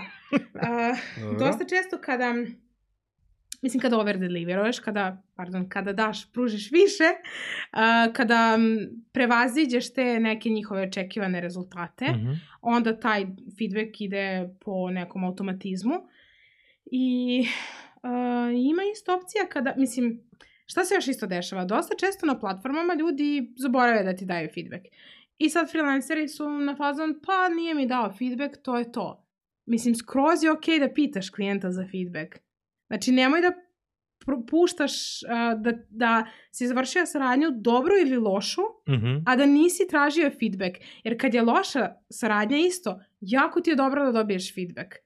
Uh, ja sam imala jednog klijenta, nije se baš sjajno završila saradnja ja sam jedno dve godine živela u obeđenju koliko taj klijent nije bio fair, koliko sve to bez veze odradio i nisam pričala sa njim o tome. Kasnije sam kroz priču sa nekim drugim saradnicima skroz došla do, do nekog uh, utiska i saznanja da mnoge stvari ja nisam dobro odradila. Što je negde njega isto navelo da i on ne odreaguje dobro. A ispustila sam tu šansu, znaš, nisam pričala otvoreno o, o svojim performansama na tom poslu. Mhm. I mislim da je isto jako bitno kada ti ne daju feedback, pitaj. Traži. Traži. Follow up. Skroz follow up. Znači, ne javi ti se neko, imao si intervju, follow upuj. Mislim, na, ti da meni nisi odgovorio, ne mi, ali ne bih follow upu. Jer mi je bilo ono, mislim, sa, slala sam više, na više adresa i stvarno nisam radila follow up. Uh, zato što nisam trenutno sad u tom... Uh, ja se malo igram sa svim tim i cold mailovima, razumeš? Nije mi Mhm. bilo od ovoga mi zavisi uspeh, nego sam bila na fazon, hajde malo da se podsjetim kako izgleda gostovanje negde Mhm. i da vidim kako će to dolje kada ima na, na celu priču o freelansu i hajde da se igram. A da je meni to sad bilo nešto jako bitno i da je to moj cilj, follow up ovih sigurno. Tako da, Ja sam pisao Joe Rogan. e, to je, to je to. Pošto sam ja snimao preko Zuma i ja sam želeo da ono, poslednja epizoda ovaj, preko Zuma bude sa njim, ono, bar da mi da 20-30 minuta. Bio sam u varijanti kao, po šta me košta da probam? A ne? bukvalno. Ja sam gomilu stvari u životu tako, Ja tako sam završio. se, ali stvarno, ja sam se iznenadila, ja se sećam, sasvim slučajno Kata stavi story, Kata Ivakić stavi Mhm. story, uh, ne jedna, nego devet objava. Iako, a ja provodim minimalno vremena na društvenim mrežama, iako, šta devet objava, čemu pričaš? I Mhm. uđem i vidim, šta je ovo, kako je ovo, kako devet objava, pa ovo super vizualno izgleda, broj jedan utisak, šta je ovo? Ok, ovo mi poznato ime i prezime, uh, googlam, dobro, dobro, ništa, ja ću samo da pošaljem email. I ti odgovaraš i ja sam kao na fazon, koliko je kao instant popravilo raspoloženje, koliko sam na fazon, kao, uh, ovo je potrebno. Mm -hmm. I isto su mi pitali ljudi, uh, kao gledali su Infobizu na N1, moje gostovanje, kao, mm -hmm. kako dođeš do N1, mislim, šta je potrebno da uradiš, znaš ljude, jel da? I rekao, ništa, pošalješ jedan mail na redakciju. I kao to je to. Da, da, hoću da pričamo o ome, ako imate prilike, pozovite me. To je to. I jedna jako zanimljiva stvar, mislim da sam na jedno 100 adresa poslala. Mm -hmm. uh, ono što kažu, velike ribe su mi, krupne ribe su mi se javile. Mislim, mm -hmm. RTV, N1, razumeš, ti, uh, Ivan Milić mi isto odgovorio što je... Smo krupne ribe. da. A ono, sitni igrači, ti se i ne jave nekad, što ono potpuno, imaš tremu da pošalješ krupnim ribama mail Pa, baš naprotiv. Upravo, i to je, mm. to je baš ono velika lekcija. Pa evo, ja obožavam knjige Malcolma Gladwella i u jednom trenutku sam upisao da bi došao na konferenciju u, ovaj, u Vršac i on je meni odgovorio da radi na novoj knjizi i da trenutno nema, nema ono, planove za putovanje. Ja sam bio presrećan pa, što mi je odgovorio bukvalno. da nema, da nema prilike. Znači, to je neverovatno.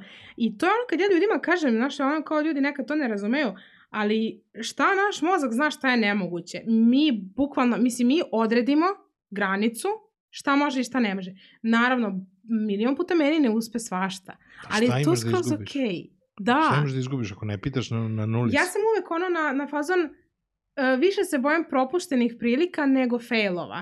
Mm -hmm. Jer, si vidi, mene bude sramota i kad failujem i svašta, ali posle nekako gradite to I ti kada imaš neki fail, ne znam, mislim, isto mi zanimlja ta tvoja priča što si pričao za javni nastup, ono kao za malo da se onesvestiš. Mislim, vidi, sledeći put kad ti je možda bilo loše na sceni, bila ti je poznata situacija, nisi bio mm. na fazon, znaš, ono... Ne. Ne, a? Ne, to je bilo samo jednom i... Dobro. Ovaj, ali sam jako mnogo naučio iz toga, nikad više nisam otišao, Dozvolio da tako, da. nepripremljen, Nije nepripremljen, Eto vidiš, nije ti trebalo dva puta. Neužban, da. Uh, I to je bilo trenutak kada sam prihvatio i keynote, da budem keynote predavač i da brandiram celu konferenciju. Pa da. I bukvalno sam ono, zbog brandiranja konferencije nisam na vreme pripremio predavanje, nisam ono, shvatio kako se šta dešava i istočno na scenu i nisam imao vazduha i samo što nisam pao Upravo, mislim, svašta se dešava sad konkretno meni, ja sam, kao što kažem, igram se malo sa gostovanjima i uh, mislim sad ima kao privatna strana priče gde sam ja nezadovoljna izgledom, teško mi je, kao hoću da smršam, ne ide mi, da sam to, Dobro. tome posvećujem ili ne. I sad dilema da kako ću ja se pojavljam na TV-u kada meni to nije mi okej. Okay. I onda samo shvatim, ovo je toliko van mog komfora, da ja baš zato to treba da uradim. I bila sam na fazon, ja ću baš da odem na taj N1, pošto to je bilo prvo sad mm -hmm. kao gostovanje. I skroz je okej okay da mi bude nekomforno i neprijatno, ali ja to mogu da uradim. I odradila sam, došla sam kući, imala sam iskreno najveću tremu kad sam trebala da gledam taj snimak. Mm -hmm. I gledam taj snimak i mislim, čoveče, ono koliko se kao ni ne gledaš u gledalo, koliko nisi kao zbog sve ono brzine rada i svega, mm -hmm. koliko nisam u kontaktu sa sobom kako se osjećam, kako izgledam, da li mi to odgovara ili ne. I kao to gledam ovde, još neki drugi ljudi gledaju i skapiram koliko to uopšte nije loše, koliko je to samo dobro podsjetnik, a koliko sam blizu bila na, na korak da odustanem, da kažem ljudima ne mogu da, da gostujem, šalila sam se, razumeš? Da, da. I to je, ne, mislim, ja sam kroz ozbiljnu ono, uh, traumu prošla dan pred gostovanje i dogovor, ja ništa, ništa nisam radila taj dan, ja sam ono, bila sam bukvalno fazon, ja to moram da otkažem jer ja nisam sposobna i onda sam sebi rekla, dobro, sve ćeš druge obaveze da otkažeš i nećeš to otkazati jer tebi unutrašnje nešto govori da bez obzira na svoje nesigurnosti, koje god nebitno da fizički izgleda ili šta god drugo, ti znaš da je to bitno što želiš da pričaš i da će ljudi da imaju koriste od toga, dakle ti to radiš. Hajde samo da vidimo šta možemo da uradimo da se ti malo bolje osjećaš i da tu nekomfornost malo bolje prođeš. Mm -hmm. I dosta često ljudi misle kako ja da nešto uradim da mi bude super. Pa neće ti često biti super. I fora je u tome da neke stvari i radiš i ako ti nije super i posle će sledeći put biti malo bolje i možda malo bolje. Možda nekad neće, ali to je skroz okej. Okay. Ja sam išao na kviz, ja sam imao treba da ću meni da se ide u WC, razumeš, na sve snimanja kviza. I ja sam za taj dan popio ono dve guarane i dva snickersa, razumeš, sam pojeo i to, pa, to mi je bio obrok za ceo dan snimanje trajalo 6 sati. Pa, ono da se nesvestiš. Pa da. Ali fora u tome što za mene taj šećer toliko gruvao, da ono kako je drugima padalo, padala, padao fokus, tako sam ja rastao, razumeš, i izdržao do kraja. Jeste, e, ima tu jedna stvar, ono što mi je baš Tanja Senja jedan pričala, um, ono kao sve mi super, um, na primjer, osjećamo se dobro, dođe snimanje, adrenalin odradi svoje, ti mm -hmm. si mhm. fokusiran. Da, puknete posle. Puknete posle. Ja, ono, nekad imam ono tendenciju da kašljam kad sam nervozna. I ja njoj kažem, ja se, ja se bojim da ću ja da kašljem. Nisam se vradivatno ni jednom zakašljala. Ali zato posle kad smo završili iskašljala sam se živa. Stvarno? I ono, pa da, mislim, ima svašta. Ja sam se pitao da li ćeš da kašlješ u podcastu, pošto si kašljala kad si došla, znači bila si nervozna, dobro. A... Sad si se odalo. e, a meni je okej, okay, ja se stalno odajem. to je skroz okej. Okay. A, reci mi, kako se održavaju kontakti sa ljudima sa kojima smo radili, jer je sada sve veća tendencija da se priča o biznisu da je mnogo lakše da kad imaš klijenta da ga zadržiš, nego da tražiš novog. Um, kako upselluješ dodatne usluge, kako održavaš kontakt sa nekim sa kim si radila da radiš još više? Slažem se uh, da je nekad la, da je kao lakše da upselluješ, međutim mislim da to ne treba da bude isključivo, to je samo ono mm -hmm. uh, komentar na to. Uh, tako što, e sad, uh, sve zavisi u kojoj oblasti radiš, ali prvo, mislim, moraš da imaš kontakte, da si pokupio. Sad, da li su to uh, LinkedIn konekcije ili je to e-mail ili je to neka druga platforma. Prosto, uvek treba voješ računa da, mislim, imaš ti neku svoju internu bazu. Kontakata. Mislim da te ne mrazi da prosto pišeš. Jer tebi to s jedne strane pravi tvoju bazu kontakata, a s druge strane a, ti tako praviš i portfolio. Dosta često ljudi krenu u freelance priču i onda kao treba pravi portfolio, pa ja ne znam šta sam radio.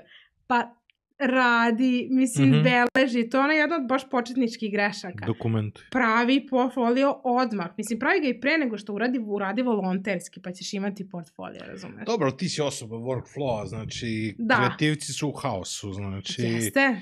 Ti ne možeš sad ja mislim da kad bi ukucala proba ili test da bi u mom kompjuteru izašlo milion A verujem. milion verzija fajlova. To je okej, okay, ali znači... znaš, zato, zato ćete vi ja zato nikad neću imati tu dozu kreativnosti, a vi kao tu dozu organizovanosti, ali tu je ono gde možete da radite, da ba, malo samo organizovanosti se ubaci u to, razumeš, za zarad tvog narednog, znaš, posle to. Ali hoću da kažem da, uh, jako je dobro, generalno dok radiš sa klijentom, uh mhm. -huh. da stekneš širinu šta sve klijent radi. Uh -huh. Jer ti kada, na primjer, evo, klijent je unajmio da mu, ne znam, edituješ uh, epizodu podcasta. Ili ne znam, ajde možda neki drugi primer, neki, evo recimo bolje neki malo sveobuhvatniji primer, da radite neki projekat. Um, gde je recimo projekat bio da organizujete prodaju za Halloween za njegovu online prodavnicu recimo.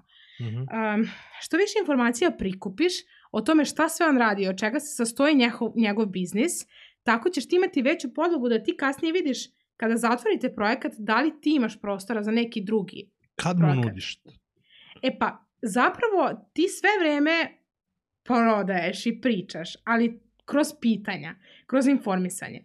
Um, nudiš kada ti on da naznake da njemu treba rešenje nekog problema. To, ali recimo sad prodasim u sajt, sad ja pitam i dobro, svog Dobro, dobro, okej. Okay. Znači, pošto nisam radio preko platformi i svega toga, znači prodasim u sajt. Koji je trenutak da mu nabaciš da bi mogo da mu uradiš i štampani katalog? Pa, znaš kako, ti njemu kroz neku strategiju, mislim, generalno i sajt kad mu radiš, super je da, da, da mu odradiš i sa neke strateške strane, gde nećeš samo uraditi vizualno i iskodirati mm -hmm. i to je to, nego da, mislim, svaki sajt mora da ima strategiju ono, prezentovanja i, i privlačenja i zadržavanja publike. Mm -hmm. uh, I onda kao te neke u tim nekim smernicama te strategije je skroz cool da navedeš koje su to još stvari koje bi propratno dobro išle uz mm -hmm. njegovo online prezentovanje ili offline prezentovanje. Mm -hmm. um, jako je dobro da imaš da dosta često, na primjer, klijenti ne pružaju tu mogućnost i onda je super da tražiš neki um, evaluation meeting ili follow-up meeting ili nešto gde ćete se mm -hmm. vi na mhm. kratko čuti, gde ćeš ti imati a, priliku da mu kažeš neke stvari i tad isto možeš da ubaciš neke ideje. Jako je nekad dobro da mu kažeš ne iz perspektive e ja to nudim, nego iz perspektive a, da li ste razmišljali o uh, unošenju ovoga, recimo flyera, Mm -hmm. u vaš biznis, jer bi vam to doprinalo rastu ovoga i onoga za x posto. Mm -hmm. I onda ti vidiš šta oni tebi kažu i onda im kažeš, uh, dobro, kako to možete da rešite? Daš im neki hint, besplatni, nešto što oni mogu čak možda i sami ako žele. Znači da ne bude ono puko prodaja, evo samo mene i drugo, ako nećete sa mnom radite, nećete, propašće vam biznis. Dobro. Nego daš im nešto da imaju i besplatno, daš im neke resurse druge i usput kažeš, a ako vam treba nešto malo detaljnije, ja sam kao tu mogu da radimo i na tome. Tako da, mislim da generalno se upakaju u celu neku priču, da ne bude onako baš providno, direktno jedan na jedan prodaja, jer to ljudi ne vole, a i ne donosi baš neke rezultate, iskreno. Mm. Tako da... Meni to sa domaćim klijentima funkcioniše. Svaki put kad im kažem možete to i neko drugi da vam uradi, oni kao onda se zakucaju baš, pa baš da. moraš ti da mi radiš. Pa da, mislim može, tu svašta može da se proba, znaš. Pa da vidiš šta radi. Kako raste freelancer? Kako raste? Pa, znaš kako, mislim, prvo tako što, prvo možeš da znaš da li želiš da rasteš ili ne, jer ti imaš ljude kojima je skroz okej okay da rade ono, određeni posao i to je to. Znači, to je prva stvar. Aha, nisam razmišljao Ima, tamo. ima, kako ne, pa meni dosta često ljudi govore, ja, ja bih samo... Ja tome razmišljam u standardnom preduzetništvu, nisam razmišljao digitalno, ima. ove, ali u standardnom sam razmišljao da se ljudi često zaleću za neke nove, inovativne, ove, one startupe priče levo desno. Ali Na šta? Ja, imaš jako mnogo poslova koje može da radi porodice ili može da radi četvoro ljudi i da oni sasvim dobro žive od toga, a da se svi zaleću neki super digital, znaš, neko ludilo. Da. A, ovaj, ali vidiš, nisam razmišljao o ovome da freelancer može da bude neko ko ko jednostavno ne želi više i ne želi... Uh, ja sam gledala baš istraživanje uh, udruženja radnika na internetu i oni su radili onu neku anketu čisto da opipaju mm -hmm. stanje. Ja sam šokirana tamo tim prosečnim zaradama koje su po mojim uh, shvatanjima i okruženju i kako ja radim sa ljudima dosta niske. I samim ta, samih taskova i oblasti kojima se bave, mm -hmm. to su dosta često ono redundant, uh, taskovi koji se ponavljaju, koji nisu nešto ambiciozni, inovativni, Mm -hmm. To prosto, i baš sam se iznenadila, i ima dosta ljudi koji odrade to. E sad, znači to je prvi korak, da vidiš da li želiš da rasteš. Onda, a, da vidiš a, koje su to sve opcije i pravci rasta u kojima ti želiš da ideš. Da li ti želiš kao da ideš u dubinu, da postaneš kao još više profesionalac u toj oblasti, ili želiš da radiš još neke dve, tri m, srodne oblasti, da tako kažem. M, naprimjer, u marketingu ti imaš razne kanale. Mm -hmm. Ti možeš samo za SEO da se specializuješ, a možeš i za SEO, uh, ne znam, social media marketing, email marketing i content writing, recimo. Mm -hmm. Iako to nije nešto što baš preporučujem ljudima u početku, jer to je prosto, dosta je teško za hendlovanje. Mm -hmm. Ne možeš da budeš ekspert u svim tim kanalima, ali možeš u dva, tri. Tako da... Da, to sam skoro video, znači, to sam skoro video jednu, jednu fenomenalnu priču kao, jako je teško da budeš u top 1%. Jeste jedne stvari, ovaj, kao za to je ogroman posao, ali je jako jednostavno da budeš u top 5% u dve stvari kombinovane. U čemu sanjariš? Uh. pa, mislim da mi je, a, zapravo mi je dosta, dosta dugo dok sam radila za klijente, primarno mm -hmm. za freelance, najveće zadovoljstvo mi je bilo ok, kao zarada u početku i super, ali onda kada pređeš taj neki nivo i ti kada vidiš da možeš da zarađuješ mm -hmm. i sve, uh, najbolje sam se osjećala kada sam uspevala drugim ljudima da pomognem da oni isto započnu freelance i mm -hmm. da, da uplove u te vode. I ne samo to, nego kad ja vidim da se njima bukvalno život menja. E sad mm -hmm. nije to bitno kao da je to zbog mene. Ne, nego koliko je to satisfakcija kada zaista vidiš kako je to moguće za više ljudi. Znači, nije samo da, si, da je kod tebe tako, nego je to, te pomoglo ljudima ono, na veliko. I zapravo, mislim da mi je onako baš veliki san da što više uspem to da omasovim i da što veći broj ljudi čuje za mogućnosti. Ne mora da radi sa mnom. Uopšte mm -hmm. nije pitanje da ja sad hoću kao da svi sa mnom rade ili ako ne rade sa mnom nećete uspeti ali da raširim tu priču da je zaista moguće mm -hmm. raditi ono iz Srbije ili odakle god i zarađivati pristojno i više nego pristojno i u skladu sa, sa svim svojim željama i mogućnostima. Mm -hmm. Tako da mislim da mi je to onako, da bi to baš bilo onako nivo lične satisfakcije koje bi bilo dosta velik. Mm -hmm. kada, kada bih to negde Imaš neku noćnu moru? Mm, mislim da ne, zato što svašta nešto kroz šta sam i prolazila i što se dešava, sve te negde odvede na neki dobar put i nešto si naučio i kao, nemam koristi od toga da mi je nešto noćna mora, sve dobro, prihvatit ću ga pre ili kasnije i pomirit ću se sa nekim filmom pre ili kasnije, tako da... Poreska? Kao trebala sam da vidim da ideš na... trebala, trebala sam da... Sad si onako baš... Trebala sam da vidim da ideš na to. Um, pa ne, mislim ne. Zašto ne? Zato što je to jedna okolnost o kojoj ono, mislim prosto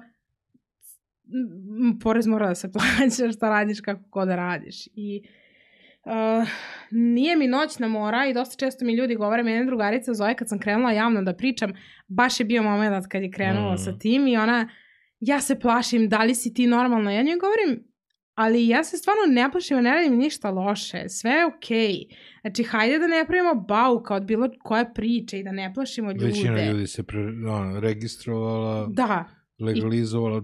Čak su se mnogi legalizovali odavno. Tako je. I kao, ajde da ne pravimo skandale, nema potrebe. Tako da nije mi poreska noćna mora. Um, mislim da ne treba nikome ni da bude. Znaš, mm. mislim, nađeš profesionalce, knjigovođu, nađeš druge, one eksterne savjetnike, ljudi će te posavetovati, stvarno ima rešenja. Jedno pitanje koje je ispalo jako dobro u prošlom intervju i hoću postaviti tebi. Dobro. Šta bi radila kad ne bi morala da radiš? Mm. hm. Ja ne znam da li može kod mene da postoji da ne moram da radim, jer ja volim da radim. Ne, mislim finansijski. Uh, ka, misliš kad bih imala kao financija? Kad bi imala dovoljno novca da ne moraš da pa radiš. Pa ovo. Isto ovo. Pomagala bi drugima da, da naprave novac. Aha. Da, apsolutno. Mm -hmm. Znači, bukvalno, mislim, to i sad radim iz ono zadovoljstva, pare mm. dođu same po sebi, znaš. Mislim, ja i stvarno nisam na fazu, ja tu promovišem, radite sa mnom moj program, ovo ono, ne, nema potrebe. Dobro, mora da košta, zato što ako je besplatno, onda ljudi neće. Ne, ne, mora da košta, baš zato mora da košta i to sam, uh, meni su ljudi rekli, ti ona mora da košta, ne, Tijana je 9 meseci, 10 meseci besplatno, onako sve kao charity mm, radila. Probali su moje kolege sa besplatnim konferencijama, nije uspelo. Ne ide. Mora da košta bar 100, mora da košta 100 dinara, što, 100 dinara. Da, da ljudi imaju taj uh, moment posvećenosti i svašta mm. nešto. Tako da svašta sam nešto naučila, ali stvarno baš bih, to bih radila. Mm. I sad još jedno pitanje specijalno za tebe, nisam ovo pitao ljude ovde, ali znam da sam neki ljudi iznenadio sa tim pitanjem. Zamisli svet bez struje. Uh. I da sve ono što radi na struju trenutno ne radi. Šta bi onda radilo? Ko imaš skill koji bi mogao da pa bude ja bih koristan? išla na neku pijacu i opet pričala nešto. Nebitno dalje ono. Šta bi pričala na pijaci? E, pa išla bih na pijacu i pričala bih ljudima kako mogu putem nekog networkinga koji ono mora da bude, pošto nemamo struje, nemamo interneta, nemamo uređaje, mm -hmm kako putem nekog networkinga mogu uh, da opet rešavaju problem nekim drugim ljudima, svojim komšijama, koje je ono, rešenje da je bez nekih uh, uređaja ili čega god drugog. Mislim, nekako opet, opet bi to u sebi imalo rad sa ljudima mm -hmm. i mislim edukaciju neku i neko, uh, da kažem, pomaganje i predstavljanje ljudima iz svog iskustva šta sam ja naučila, mm. koja sam prepreke prevazišla, šta su prečice do nekog uspeha. Stavno pričaš o ljudima. Kakvim ljudima se okružuješ? Pa trudim se da se okružujem ljudima koji gledaju stvari na sličan način kao i ja. Da ono, prosto imaju tu neku dozu i ambicioznosti i toga da ih prepreke ne sprečavaju. Što naravno ne znači, mislim, ljudi se menjaju, sve je sve je podložno promeni, ali dosta volim da se okružim ljudima koji su ono preoptimistični, mislim mm -hmm. više optimistični nego pesimistični, koji vole da pričaju, koji vole da su ono, ne znam, um, proaktivni, da pronalaze rešenja, da su aktivni u više oblasti, ne samo u jednoj i da prosto nisu da misle da svako može da doprinese nečemu. Mm -hmm. Znači ne da misle kao e, ja ne znam ništa i kao to je to. Jer stvarno od svakog može svašta da se nauči i to mi je baš onako super stvar. To, kakve ljude tražiš, kakvi, kakvi ljudi ti fale. Kak... A proaktivni. I ljudi mm. koji... Uh, Kako to prepoznaš? Tako što ti kada pričaš sa ljudima i kada predstavljaš neki problem, a, ljudi ne ćute i ne govore da, teško je. Da, da, da, kao ne mm. može, teško je. Nego ti na to postave pitanje. I ti već vidiš da su oni krenuli, jer kad ti neko, kad ti neko da potvrdan odgovor ili samo konstataciju, ti vidiš da je neko stopirao razmišljanje. A kada te neko na izloženi problem pita nešto, ti vidiš da je krenuo taj proces razmišljanja mm -hmm. i tu već, mislim, tu kreće ta proaktivnost. E, zašto si ti ovde? Šta je glavni razlog? Što si ti toliko cimaš? Kad ti tu ništa od toga ne treba? Pa treba mi. Kako mi ne treba? Treba mi. Meni, ne znam, meni je super da, mm, kako da kažem, super mi je kada, e, zapravo ako, kreće tako što ja, na primer, sam ponosna na sebe kad sam ja nešto u, u životu prevazišla. Brdo failova. Mm -hmm. I onda nije mi dovoljno da se to zaustavi na tome. Nego, hajde da ja to kažem. Pa ko, kome koristi, kome ne koristi, super. Ko ne želi, ne mora da sluša. A ako posluša jedna osoba, meni super, još više. I od te neke želje, da ne bude samo moj uspeh ili samo moj uticaj, nego da bude još, jer znam da može. Još nečiji uspeh i još nečiji uticaj i onda ta jedna osoba će možda samo još na jednu i tako u krug i to mi se i pokazalo u praksi gde ja sad imam samo dve drugarice koje se ne bave freelanceom i mama Nju, nju nisam ubacila. Mislim, tata isto sad ne radi. Ali svi su radili. Daj mi jedan case study. Uh, osobe X, ne moraš da kažeš ime ako ne želiš. Uh, gde je bila pre saradnje sa tobom i gde je sada? Dobro, pa evo ovako, mislim, ovo je baš teško jer ih imam dosta, ali... Uh, Cherry pick. Da, imam jednu drugaricu koja, uh, sad pazi sad njen put, završila je vas, vaspitačku školu, Dobro. radila je u kladionici kao konobarica. Izuzetno edukativna pozicija. Tako je. I ono, za male pare je radila i mislila je da ne može ništa drugo, da nema nikakva znanja, nikakve veštine, Dobro. engleski zna, ali ništa drugo ne zna. Ja sam joj rekla, dođi kod mene u stan uh -huh. dve mhm. nedelje, ja ću da ti pokažem. Krenut ćemo, bit ćeš menadžer za društvene mreže, to mogu najpre da te obučim da radiš. Mm -hmm. uh, obučila sam je za dve nedelje i našli smo je posao za još naredne dve nedelje i ona sad, posle recimo dve godine od tad, uh, radi kao menadžer za društvene mreže i PR menadžer za klijente ono, iz inostranstva preko Upworka i mislim da zarađuje preko 1200 evra mesečno, a radi nekoliko sati dnevno. Znači ne radi full time. Tako da, eto, to je jedna od omiljenih priča. Zato što znam koliko je ona, koliko nije verovala u to i koliko je mislila da mora sve uz moju pomoć, a osamostalila se iskreno samo za četiri nedelje. Što je meni fascinantno. Mislim, ja sam za dve, tri godine se mučila. Prelepo. da. Uh, Šta još ima od zabluda koje možda nismo pomenuli, koje ti trenutno smetaju na temu freelancinga? Pa da, da si... ima dve, tri, da je nestabilno, da je nesiguran posao, mm -hmm. da je prevara, da je neisplativ zbog poreza sad. Uh, to su mi omiljeni, to su mi baš favoriti. Da um, je nemoguće ako ne, ne znaš engleski perfektno. Ajde odgovori na svaku od njih. Da, pa kažu nestabilno, zato što moraš kao stalno da tražiš klijente, uh, mislim, to je skroz ok, mi svaki posao može da bude nestabilan. Mm -hmm. Tako da, da, ti možeš da imaš tri klijenta recimo, a radi na tome da ih imaš tri i mala je šansa da će sva trojica da prestanu da rade odjednom. Drugo, nes, nesigurnost, ok da preko platformi prvo kreneš da radiš jer platforma garantuje isplatu. Mm -hmm.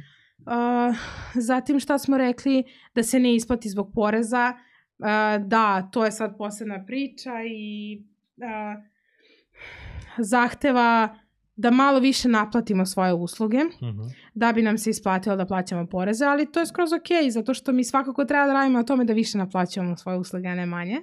Dobro, sad je napravljeno na minimalno neoporeziv deo gde bukvalno tako, možeš da probaš. mo- tako je. Tako da bukvalno ti ono imaš free trial, ti vidiš ako ti se sviđa, sviđa ti se, ako ti se ne sviđa, Poreska, free to je to, da, da. Mogu tako da reklamiraju, Free oni trial, free trial. Uh, šta smo još rekli? Da, da, da mora perfektan engleski, mislim to smo pričali danas Mhm, o tome. yes. Ne znam da li, mislim da sam sad sve to pokrijala. To su mi onako baš uh, hit zablude. Mislim, ja manje više, da, da, da može samo programiranje, dizajn i To smo se već borili odavno. To je, to je borba, Sad baš bukvalno. Nepresušna, Sad, koliko ali- ima kategorija na Upworku? ja ne znam. Ima ih, uh, mislim ti listaš tu stranu, nema, nema kraja, ne znam, M- jako mnogo.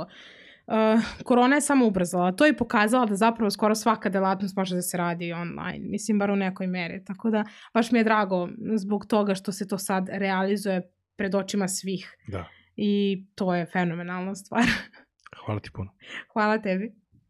Hvala vam što ste gledali još podcast 1. Ovo je bila epizoda sa mojom novom prijateljicom, Tijanom Velimirov. Uh, hvala vam što ste gledali, hvala vam što ste ostali do ovde. Uh, molim vas da ostavite neki like, subscribe, podelite sa prijateljima. Ako vas ovo nije inspirisalo, a ako već dugo vremena želite da se odmetnete u freelance vode, uh, stvarno ne znam šta da kažem. E, želim da se zahvalim našim sponzorima, to su Beans Kafa, uz koju sam razgovarao sa Tijanom večeras, to je MVP Workshop, koji razvijaju budućnost interneta u Beogradu, a neki od sjajnih ljudi koji su koji danas razvijaju budućnost u Beogradu su upravo počeli kao freelanceri.